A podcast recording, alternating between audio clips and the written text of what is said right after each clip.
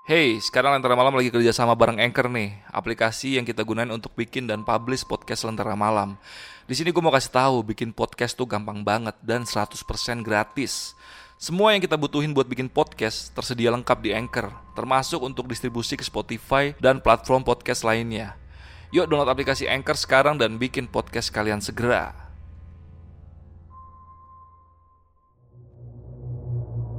Kembali lagi di Lentera Malam bareng gue Adit dan sekarang kita lagi di segmen podcast Saksi Misteri.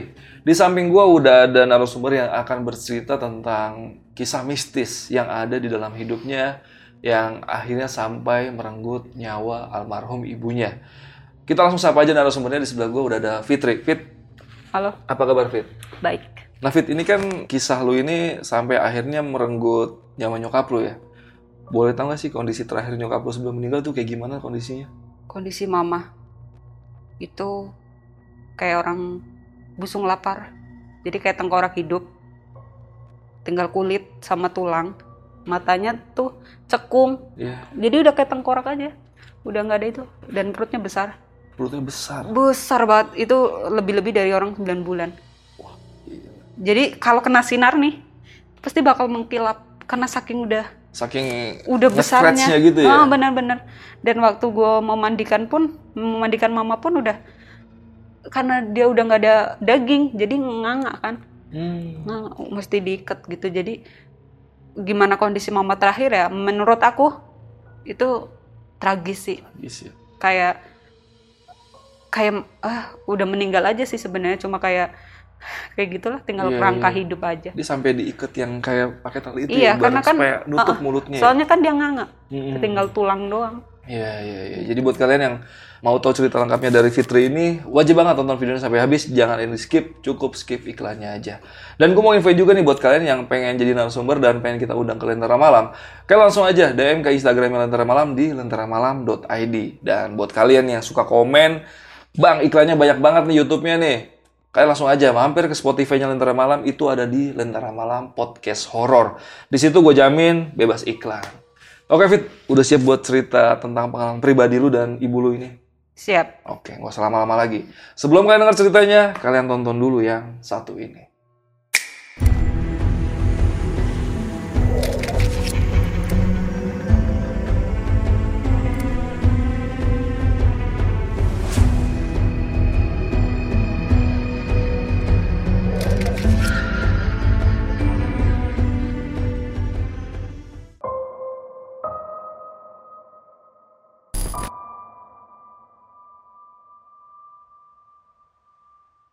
Itu terjadi di tahun 2009. Waktu itu umur gue masih ya mau naik kelas SMP lah gitu. Dari SD mau SMP. Ah, ah, dari SD mau SMP kan. Itu mama di Jakarta posisi itu waktu itu. Aku di kampung. Karena tetangga aku mau ke kampung, eh mau ke Jakarta, sorry.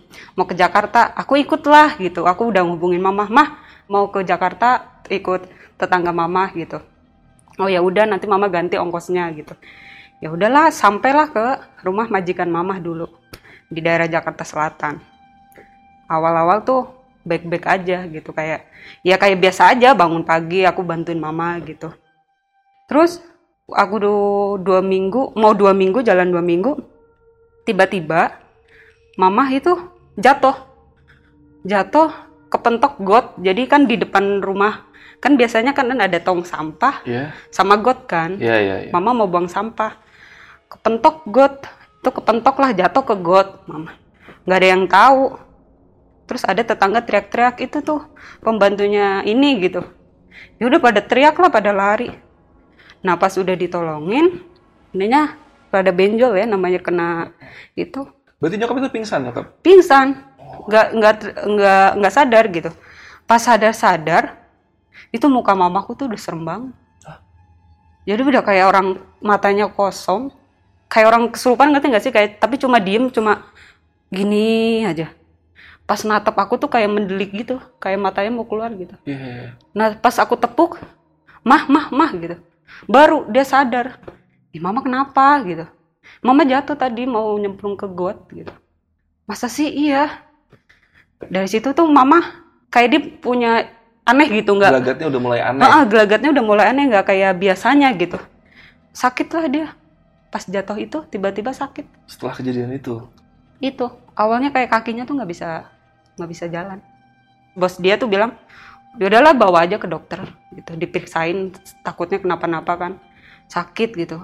Pas nyampe di dokter ya kata dokter ya mungkin kecapean ya. Karena kan mama harus ngurusin dua bayi terus ngurusin rumah segede itu mungkin kecapean kan. Ya udah akhirnya. Dibawa ke dokter dikasih obat. Membaik tuh. Mama membaik gitu.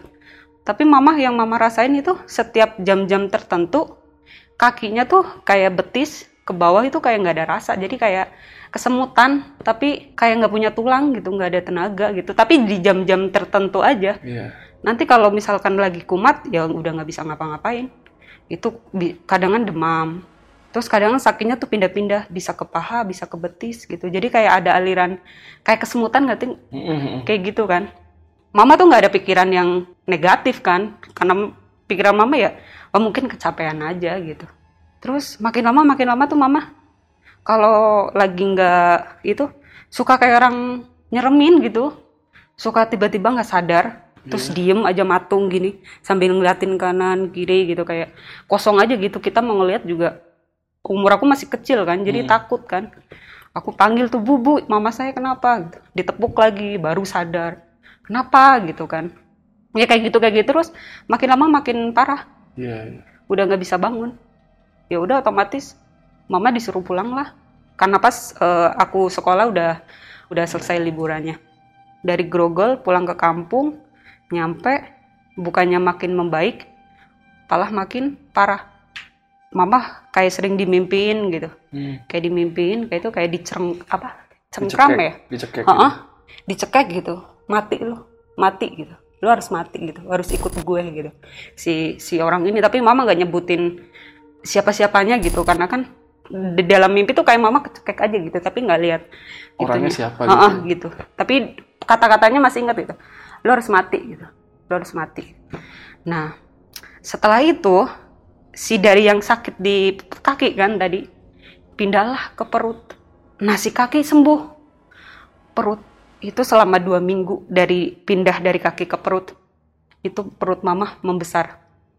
Membesar. Nggak beres dong. Iya, iya. nggak beres. Ya mungkin pikiran kita dulu kakek oh mungkin ini sakit apalah gitu udah bawa aja yuk ke dokter gitu kan. Nggak ada pikiran mama ah gitu. nggak ada pikiran yang arah-arah ke situ kan? Karena mungkin kakek kan nggak percaya gituan kan? Hmm. udah akhirnya bawa ke dokter. Pas dibawa ke dokter di rumah sakit diperiksa gitu. Dari rumah sakit di daerah yang paling besar di kampung aku itu bilang kantung kemih. Hmm. kantong kemihnya Infeksi tuh ada infeksi. iya betul. Jadi mungkin ada pembengkakan makanya perut mama tuh besar. Tapi belum begitu besar ya masih mungkin kalau hamil 4 bulan kali ya. Oh, jadi belum terlalu besar kan. Tapi udah membengkak lah tapi udah kelihatan. eh gitu. Oke gitu. Dikasih obat gitu. Pulang tapi tetap nggak membaik. Malah makin membesar bang perutnya. Nggak beres lagi kan. Akhirnya ke Purwokerto rumah sakit Purwokerto yang paling besar di sana. Katanya tumor dua rumah sakit ini beda kan? Iya, iya. satu kantong kemih kedua Tumor. tumor. tapi di rumah sakit tadi katanya kantong kemih. Enggak kantong kemihnya nggak kenapa-napa. Gitu. baik-baik aja gitu. Ini tumor gitu. Kaget dong mama. Maksudnya di riwayat keluarga tuh nggak ada yang punya sakit. Tumor gitu. ya eh, gitu. Akhirnya oh ya udahlah gitu. Mama udah oh mungkin memang udah mama punya penyakit ini ya udah. Yang penting udah tahu penyakitnya kan ya udah gitu pasti mama sembuh mama bilang gitu kan udah makin lama ya gitu bukannya makin sembuh makan obat malah makin besar i dagingnya mama tuh sampai hilang jadi tinggal kulit sama tulang Kurus banget berarti. kurus banget itu udah kayak tengkorak hidup Tapi perutnya besar. tapi perutnya besar banget kayak orang busung lapar Iya, iya. Sorry, tadi kata dokter itu tumornya tumor jinak atau ganas ya? waktu itu sih masih tumor tumor jinak kali ya. Maksudnya masih belum parah lah Iya, masih iya. masih bisa diangkat gitu kan. Cuman mungkin pikiran mama udahlah toh jinak ini gitu maksudnya.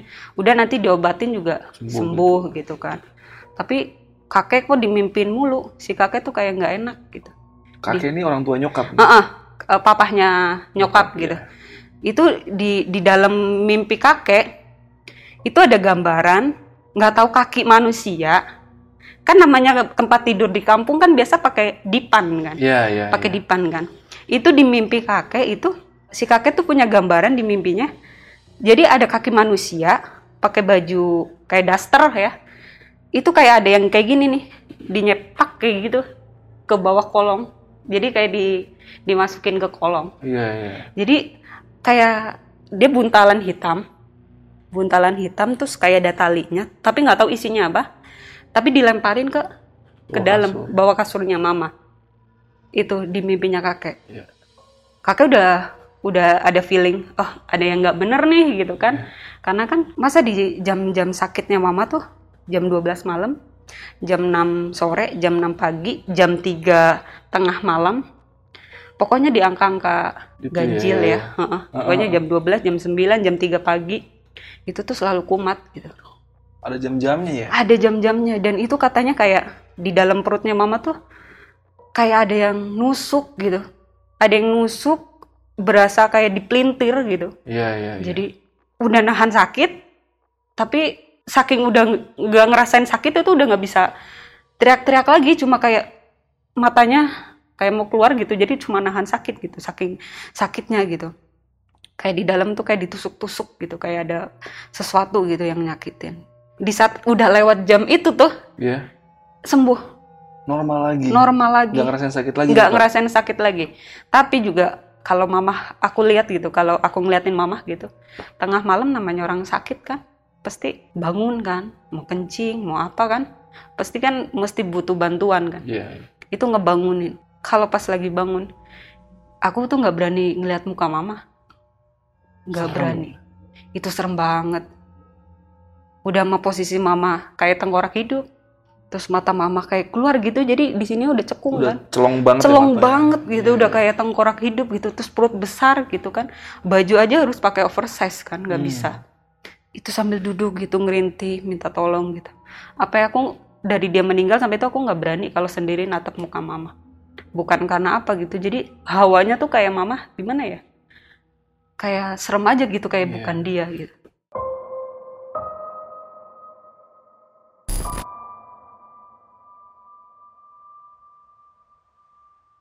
Oh sorry ada yang kelewat ini waktu proses mamaku tuh yang baru membesar banget tapi belum gede banget perutnya. Itu tuh kakek ngundang orang pinter lah di kampung gitu. Sesepuh lah ya. Si sesepuh ini tuh bilang, oh ada gitu. Yang nempelin mama yang awalnya di kaki itu. Itu tuh si setan ini ngomong gini. Yang itunya lah gitu demitnya mungkin ngomong saya disuruh. Awalnya tuh kaki suruh ngelumpuhin dia Heeh. tapi diganti lagi disuruh nggak usah dilumpuhin langsung dimatiin Dipindahin ke perut. dipindahin nah dipindahin ke perut jadi niat awal si orang ini cuma mau bikin lumpuh. Hmm. tapi karena mungkin ya pikiran manusia ya Iya. kita iya. nggak tahu akhirnya si si yang setannya ini disuruh pindahlah ke perut ya nggak tahu ya dengan media apa pokoknya pindah aja tapi memang pindah kan dari dari kaki pindah ke perut. pindah ke perut gitu. Jadi waktu itu perasaan mama tuh kayak ada ya orang jalan gitu. Oh. Panas, panas, panas ke pinggang. Akhirnya ke perut. Berarti menurut sesepuh itu intinya ada kiriman ya. Iya, ada kiriman. Ke ibu Jadi mimpi kakek sama si orang ini Iya. benar nih, sinkron, Iya, gitu. Kakek nge- membenarkan gitu. Iya sih gitu. Terus si orang ini, orang sepuh ini bilang, "Coba cari di kolong." Itu kakek belum ngomong. Belum, belum cerita tentang kolong meja itu. belum belum ngomong kakek diem kan maksudnya cukup dia aja yang tahu gitu sampai mungkin bener apa enggaknya biar kakek dulu yang nyari tahu gitu tapi pas sesepuh ini bilang coba cari di kolong ternyata di kolong itu ada tapi kayak udah dipendem kan dulu rumah aku kan masih tanah ya Mm-mm, belum mm. kayak zaman sekarang itu 2009 itu aku masih ya hidup namanya di kampung ya Iya, iya, iya. dibilang itu ya ya ada gitu tapi nggak bagus itu masih tanah jadi ada pundukan kan tanah tuh Oh, ada tanah yang agak menonjol gitu ya. Heeh, maksudnya nggak rata gitu Mhm. kayak ada bekas galihan gitu Iya. akhirnya ketemu lah Lah bener yang kakek mimpiin kantong hitam ditaliin. Percis sama yang ada di Persis mimpi apa yang lu. kakek mimpiin. Bener nih gitu kan. Dibakar kali ya sama sesepuh ini ya. Mungkin nggak tahu lah didoain apa. Kita nggak ngerti. Nama aku masih masih kecil ya. Masih belum tahu gitu. Dibakar ya diobat-obatin lah gitu. Maksudnya mama juga kayak di kampung dulu minum rajah ya namanya kurang tahu deh kalau itu jadi kayak air dimasukin kertas bacaan apa gitu disuruh diminum sama Oh. diusapin ke perut mama gitu itu bener awalnya memang nggak kumat gitu Mendingan maksudnya gitu. mendingan gitu nggak nggak sakit gitu kan tapi itu cuma beberapa hari setelah itu Sakit lagi. sakit lagi nah setelah itu diobatin kan kumat lagi itu jauh lebih parah yang tadi aku bilang nyampe tinggal kulit sama Tulang doang. tulang doang jadi perutnya besar udah kayak 9 bulan Iya. jadi udah pada biru Oh biru-biru juga. biru biru biru biru Gila. gitu kan mama udah udah coba untuk alternatif udah untuk dokter udah posisinya waktu itu mama kan mau dioperasi tapi udah nggak memungkinkan Hmm. karena fisiknya udah lemah kan Iya, iya. udah nggak memungkinkan untuk operasi gitu sampai kakak ih eh, kakek jual tanah gitu niat hati untuk udahlah ya operasi aja gitu mau berapa biayanya udah biar kakek jual Tanah. ya. tanah gitu tapi pas dibawa ke rumah sakit dirujuk ternyata dokter udah nggak bisa Hmm. soalnya fisik mamahku itu nggak akan mungkin kuat untuk operasi besar gitu Iya, iya, apalagi keadaan tumor mungkin udah udah besar, udah, udah, parah besar itu ya. gitu ya ya nggak tahu tumor nggak tahu apa gitu kan tapi kan kalau untuk dokter bilangnya tumor, Tumor, iya. Hmm, gitu kan sampai akhirnya oh ya udahlah gitu. Kayak nggak bisa gitu dioperasi akhirnya alternatif lah gitu. Alternatif tujuannya untuk udahlah maksudnya mengurangi rasa sakit gitu. Dan kita juga berdoa lah gitu semoga mama sembuh. Maksudnya masih suka kita kumpul-kumpul gitu doain bareng-bareng. Kalau di saat dia kumat teriak-teriak kan sakit banget kan itu udah nggak bisa diomongin dengan kata-kata dia jadi udah teriak-teriak menggeliat gitu saking nahan sakitnya gitu waktu malam-malam mama mau kencing mama kan minta tolong aku kan untuk mapahin dia. Itu pas dia kencing dari kemaluannya keluar benang ditarik set. Itu mama kaget. Tapi mama coba tahu nih gitu. Ternyata ada yang nggak beres Iya, sama iya. diri mama gitu. Cuma mama nggak nggak nggak ngomong ke aku kan. Tapi aku lihat gitu. Mama narik benang. Naik benang. gitu. dari itu Kemaluannya. kemaluannya gitu. Ditarik ditarik panjang banget panjang banget. Udah terus disimpan kan sama mama. Dikasihlah ke kakek gitu.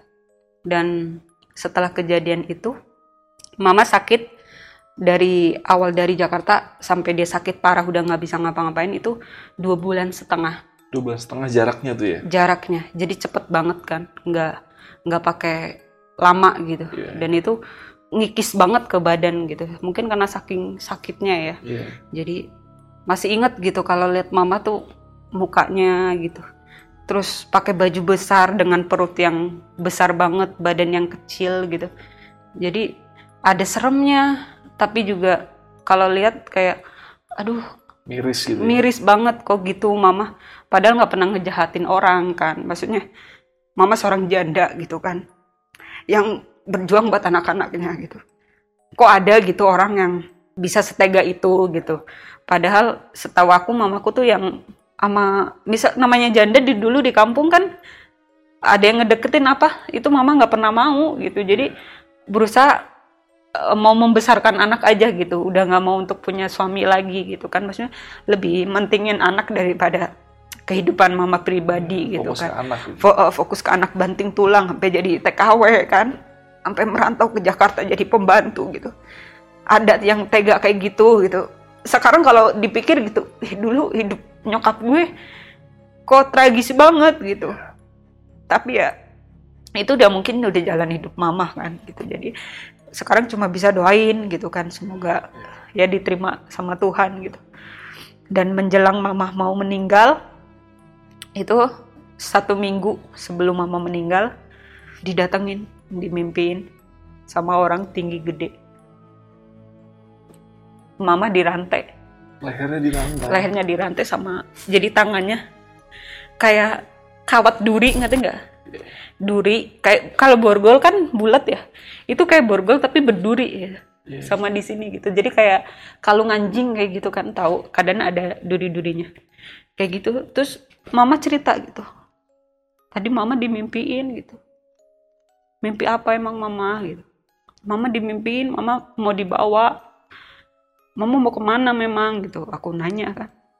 Iya di dalam mimpi mama didatengin orang gede tinggi. Terus mama dirantai terus mama ditarik suruh ikut orang itu. Tapi mama nggak mau. Pas dipaksa ditarik sama orang gede tinggi ini si si orang tinggi gede ini ngomong gini harus ikut saya. Kamu udah udah ada maksudnya kayak di dijual apa dijamin ya Oh iya iya, iya. kayak udah dijual gitu loh. Ah, ah, jadi kayak udah jiwanya tuh udah digadaikan mungkin atau apalah bahasanya. Pokoknya kamu harus ikut saya gitu. Tapi si mama bilang nggak mau, nggak mau gitu. Dipaksa ditarik. Tapi di mimpi itu tuh kayak pundak mama, baju mama tuh kayak ada yang narik. Akhirnya terlepas dari yang orang tinggi gede ini. Iya. Udah, mimpi selesai. Tapi cuma kayak gitu doang gitu kan. Nah tiga hari sebelum mama meninggal, mama dimimpin sama nenek. Nenek dari aku yang udah meninggal. Ah, ah, ah. Kamu ingat nggak kemarin waktu kamu ditarik-tarik? Itu nenek yang narik. Kamu tinggal di sini. Nenek udah siapin kamu kamar. Nenek udah siapin kebutuhan kamu di sini. Udah kamu pulang. Biar kamu di sana nggak sakit lagi. Udah kamu ikhlas. Kamu ampuni orang yang mungkin nyakitin kamu gitu. Udah kamu pulang ikhlasin semua. Anak pasti nanti bakal besar. Dia pasti bisa bisa ngejaga diri dia sendiri. Yang penting kamu ikhlas. Kata nenek di dalam mimpi itu sambil mama ngucurin air mata kan. Ayo pulang. Kata nenek. Setelah itu mama bangun. Aku waktu itu masih sekolah. Mama minta tolong ke adiknya mama untuk jemput si Fitri.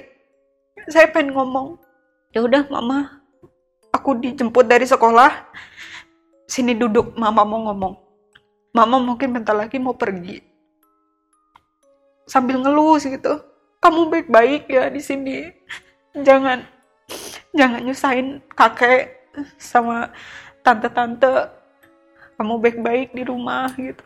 Bantuin kakek gitu. Terus sekolah yang benar gitu. Terus mama udah ninggalin sesuatu buat kamu gitu untuk sekolah gitu. Terus aku nanya gitu emang mama mau ke mana? gitu. Mama mau pulang. Mama udah dijemput sama nenek. Mama udah disediain kamar kata kata nenek ya. Kamarnya bagus di sana katanya. Terus mama nggak pulang lagi gitu kan aku nanya enggak gitu. Makanya kamu di sini baik-baik sama abangmu gitu. Yang akur gitu. Ikhlasin mama biar mama jalan pulangnya lancar gitu. Toh mama juga nggak jadi dibawa sama orang itu gitu. Sama orang yang tinggi gede gitu. Nenek udah nyedain rumah buat mama udah ada kamar di sana gitu. setelah itu dua hari mama mengembuskan nafas terakhir.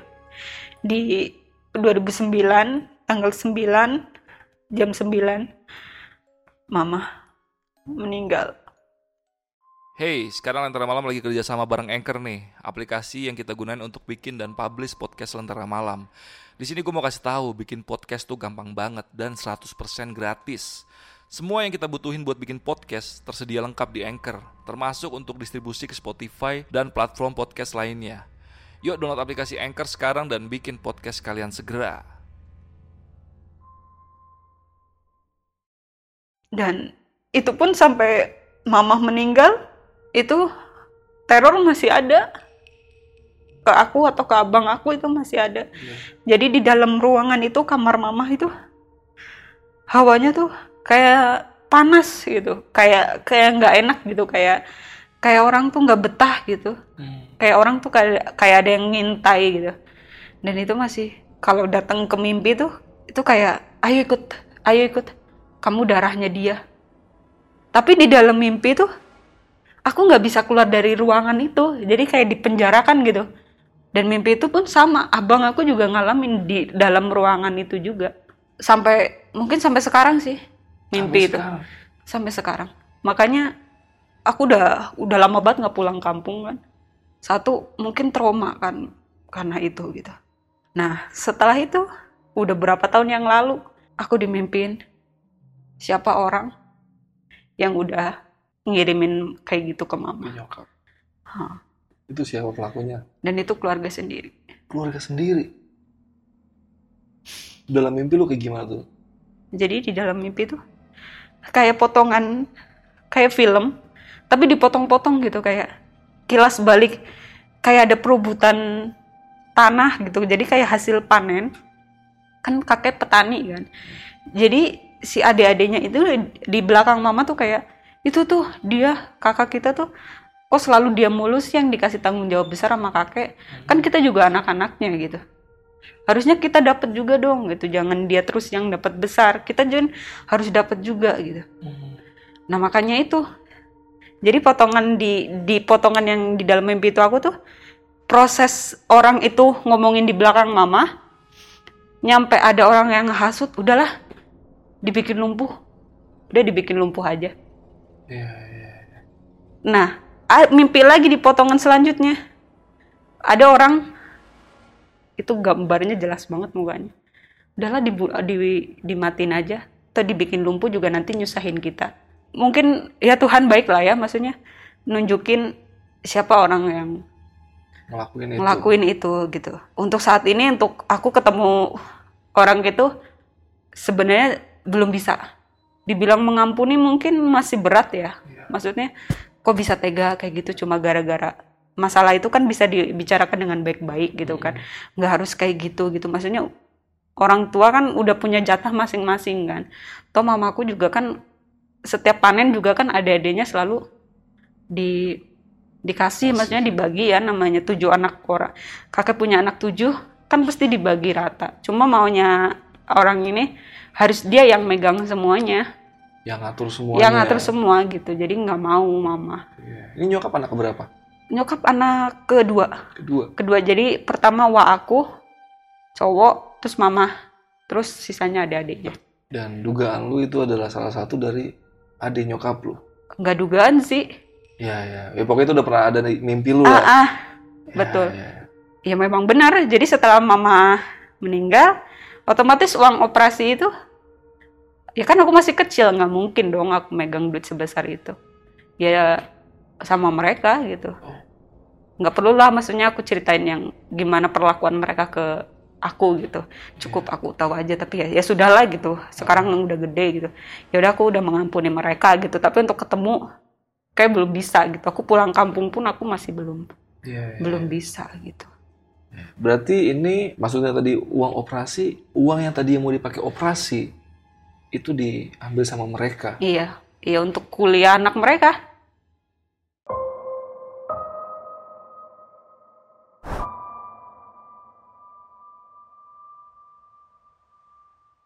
Nah tapi gue agak penasaran ya sama sewaktu nyokap lu itu masih ada di kampung. Ini kan nyokap lu mulai sakit itu pas di Jakarta, di Jakarta, iya. ya. Pas Jakarta. Itu pas di kampung perilaku yang lu duga itu pelakunya itu gimana sih perlakuan dia ke nyokap lu tuh kayak gimana? Ya baik-baik aja. Baik-baik Jadi aja.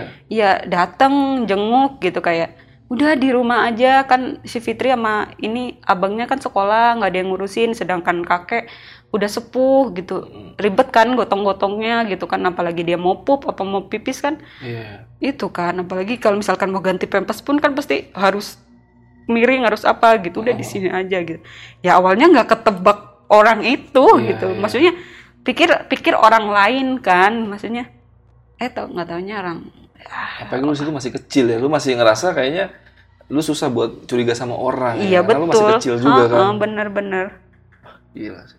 gitu Itulah makanya kalau uh, keluarga kalau bisa apa-apa itu lebih baik dibicarakan baik-baik ya bener-bener bener. dibandingkan melakukan hal-hal seperti ini. apalagi perjanjian dengan yang namanya kan Namanya setan kayak pisau kan Iya, iya, iya. kalau pisau nggak dipakai sama tangan manusia kan nggak bisa buat nyakitin orang tapi kalau pisaunya dibawa sama orang nyakitin kan Iya, ya iya. itulah Nah ini kan lu udah lama nggak pulang kampung lah, Hmm. pasti lu minim informasi lah tentang keluarga lu yang ada di kampung sana. Ha-ha. Tapi lu pernah gak sih sesekali itu nyari-nyari informasi tentang mereka itu keadaannya gimana sekarang? Yang ngelakuin itu ke nyokap lu gitu. Apakah dia dapat balasannya atau enggak gitu? Ya Atau belum gitu mungkin? terakhir sih terakhir karena kan kakak masih di kampung kan. Oh kakak iya. Kakak masih di kampung tapi beda beda beda kam- beda itulah kecamatan Beda sama daerah lah ya. beda daerah tapi ya kadang kan namanya itu kan masih lah komunikasi mungkin si anaknya tuh kecelakaan Anaknya kecelakaan. Heeh, anaknya kecelakaan dan Meninggal. dan yang kuliah pun dia nggak jadi apa-apa Ya ya ya. nggak jadi apa-apa ya hidupnya ya seperti itu itu aja nggak ada perubahan untuk hidup baja gitu Iya iya iya. Gitu. Jadi ya apa yang dilakukan untuk mendapatkan harta pun nggak ada hasilnya juga. benar sia-sia jadi juga. jadi sia-sia aja gitu jadi mereka berpikir oh kalau dia meninggal oh kita dapat nih banyak gitu kita nggak akan kesusahan nyatanya nggak dia punya juga habis hidup dia mungkin nggak akan tenang karena di dalam mimpi aku tuh si orang ini dia kayak selalu merasa bersalah gitu Oh. jadi nih adanya mama punya istri. Jadi si istrinya ini nih yang coba untuk ngehasut kayak ayo loh gitu ayo loh gitu. Lo harus Hmm. bisa lo harus rebut gitu. Tapi si adanya ini di dalam mimpi itu tuh kayak ngerasa kok gue nyakitin? Nyesel sendiri berarti ya gitu. dia. kok kok bisa aku nyakitin kakakku sendiri? gitu. Ya begitu gitu. Iya. bukan Ber- kita bukan kita mau menuduh ya. Maksudnya Mm-mm. terkadang kan alam ngasih ngasih kita untuk ngasih tahu siapa sih sebenarnya ini Iya, gitu. iya, Cuma iya. kan aku juga secara secara langsung eh lu yang ngelakuin ini ya ke Nggak nyokap bisa. nggak bisa Nggak kan bisa. namanya hal kayak gitu ya aku cukup tahu gitu dan aku cuma ya berdoalah semoga Tuhan mengampuni dia apa yang Iya. dia perbuat gitu tapi kalau untuk ketemu ya jujur aja aku belum bisa Iya, karena gue kemarin juga sempat ngeliat komen di Lentera Malam, ada yang komen ini kalau yang hal-hal kayak santet gitu, ada yang pernah bilang ada undang-undangnya. Tapi sebenarnya setahu gue hal kayak gini tuh belum ada undang-undangnya karena emang sulit dibuktikan kalau iya kita ngelapor ke polisi atau ke mana pun ya nggak bakal ditanggepin. Benar, Iya, benar. iya, iya. Sekarang misalkan barang bukti misalkan kayak yang tadi bungkusan yang punya mamaku ketemu, kan kita nggak tahu siapa orangnya, kan nggak iya. bisa kita nuduh-nuduh kan Iya. gitu. Jadi ya kita susah juga gitu. Tapi ya ah, cukup tahu aja. Gitu. Iya, kecuali bungkusan itu diambil dimasukin ke dalam mulut sampai mati sama orangnya ada pelakunya itu Iya, baru bisa tuh benar, pembunuhan benar, gitu. Kalau hal kayak gini ya emang hukum pun masih belum makanya ya semoga ke depannya gue nggak berharap hukum kayak gini ya, maksudnya mengurusin seperti ini ya. Gue berharap sih moral-moral orang-orang Indonesia lebih baik lagi supaya benar, benar. hal-hal seperti ini nggak kejadian lagi. Apalagi Maksudnya kalau keluarga ya. Heeh, maksudnya kalau ada hal yang perlu dibicarakan, oh aku nggak suka kamu begini, saya pengennya begini, saya begini, kan lebih baik diomongkan kan, apalagi Iya. keluarga sendiri gitu, nggak perlu harus pakai yang hal-hal yang kayak nggak manusiawi gitu, Kak. apalagi Iya. perjanjian dengan, Dengan setan, setan. yang mana diri dia sendiri yang akan rugi, Ya, karena kan ujung-ujungnya, ujung-ujungnya dia juga yang akan dibawa. Iya, iya, iya. Mungkin di dunia dia sekarang, oh baik-baik aja, tapi kan Nggak tahu Berat, akhir deh. Di iya. akhir udah pasti ada balasannya hal berat itu kan ya. iya berat apalagi kalau mamaku udah mengampuni mau gimana Iya. berat kan tapi ya sudahlah itu cerita aku semoga para penonton Lentera Malam juga yang di luar sana mungkin mengalami hal yang sama gitu ya berserah aja sama Tuhan Iya, terus misalkan sudah tahu ya ampuni saja gitu jangan kita membalas dengan yang lebih parah lagi karena ya dendam sama dendam nggak mungkin bisa. Menciptakan kedamaian kan jadi ya udahlah gitu Ya kita berdoa juga semoga almarhum ibunya Fitri ini bisa diterima di sisinya dan mendapatkan tempat terbaik di sisinya. amin Semoga apa yang dijanjikan sama almarhum nenek lu itu benar-benar terjadi ya. Mungkin itu Amin, pesan amin. juga dari yang di atas melalui mimpi ya. ya mungkin pertolongan kali ya dari Iya, iya. dari Tuhan lewat nenek untuk ya mama nggak tahu apa-apa gitu Mm-mm. kan nggak bisa dong gitu ya mungkin lewat nenek lah mama Iya, ditolong iya. gitu. Kalau kakek sekarang masih hidup apa udah meninggal juga? kakek udah meninggal di 2016 Oh 2016 sudah meninggal di almarhum. iya Nah ini kan biasanya gua agak sedikit tahu nih tentang watak-watak keluarga yang gila-gila harta gitu ya ibaratnya. Itu pas lagi kakek meninggal tuh pada rebutan harta nggak tuh antara saudara-saudara? jangan kan pas kakek meninggal sebelum meninggal pun udah pada ribut Oh udah pada ribut tuh malahan. iya udah udah minta bagian ini ini Iya. karena iya. kakek orangnya lurus gitu ya kakek tuh lurus banget gitu ke anak-anaknya mentingin anak gue gitu jadi kakek belum meninggal udah dibagi-bagiin Oh. dan sebelumnya sebelum mamah meninggal pun kakek sebenarnya udah Udah udah udah misah-misahin. Oh, ini sawah buat ini, ladang buat ini, kebun buat ini. Kakek itu udah udah nyiapin. Iya, iya. Cuma kan karena sawah kakek tuh pengen diurusin sama mama, maksudnya kan kakek tinggalnya sama mama kan. Mm, mm, mm. Kakek nggak betah sama yang lain, betahnya sama mama terus.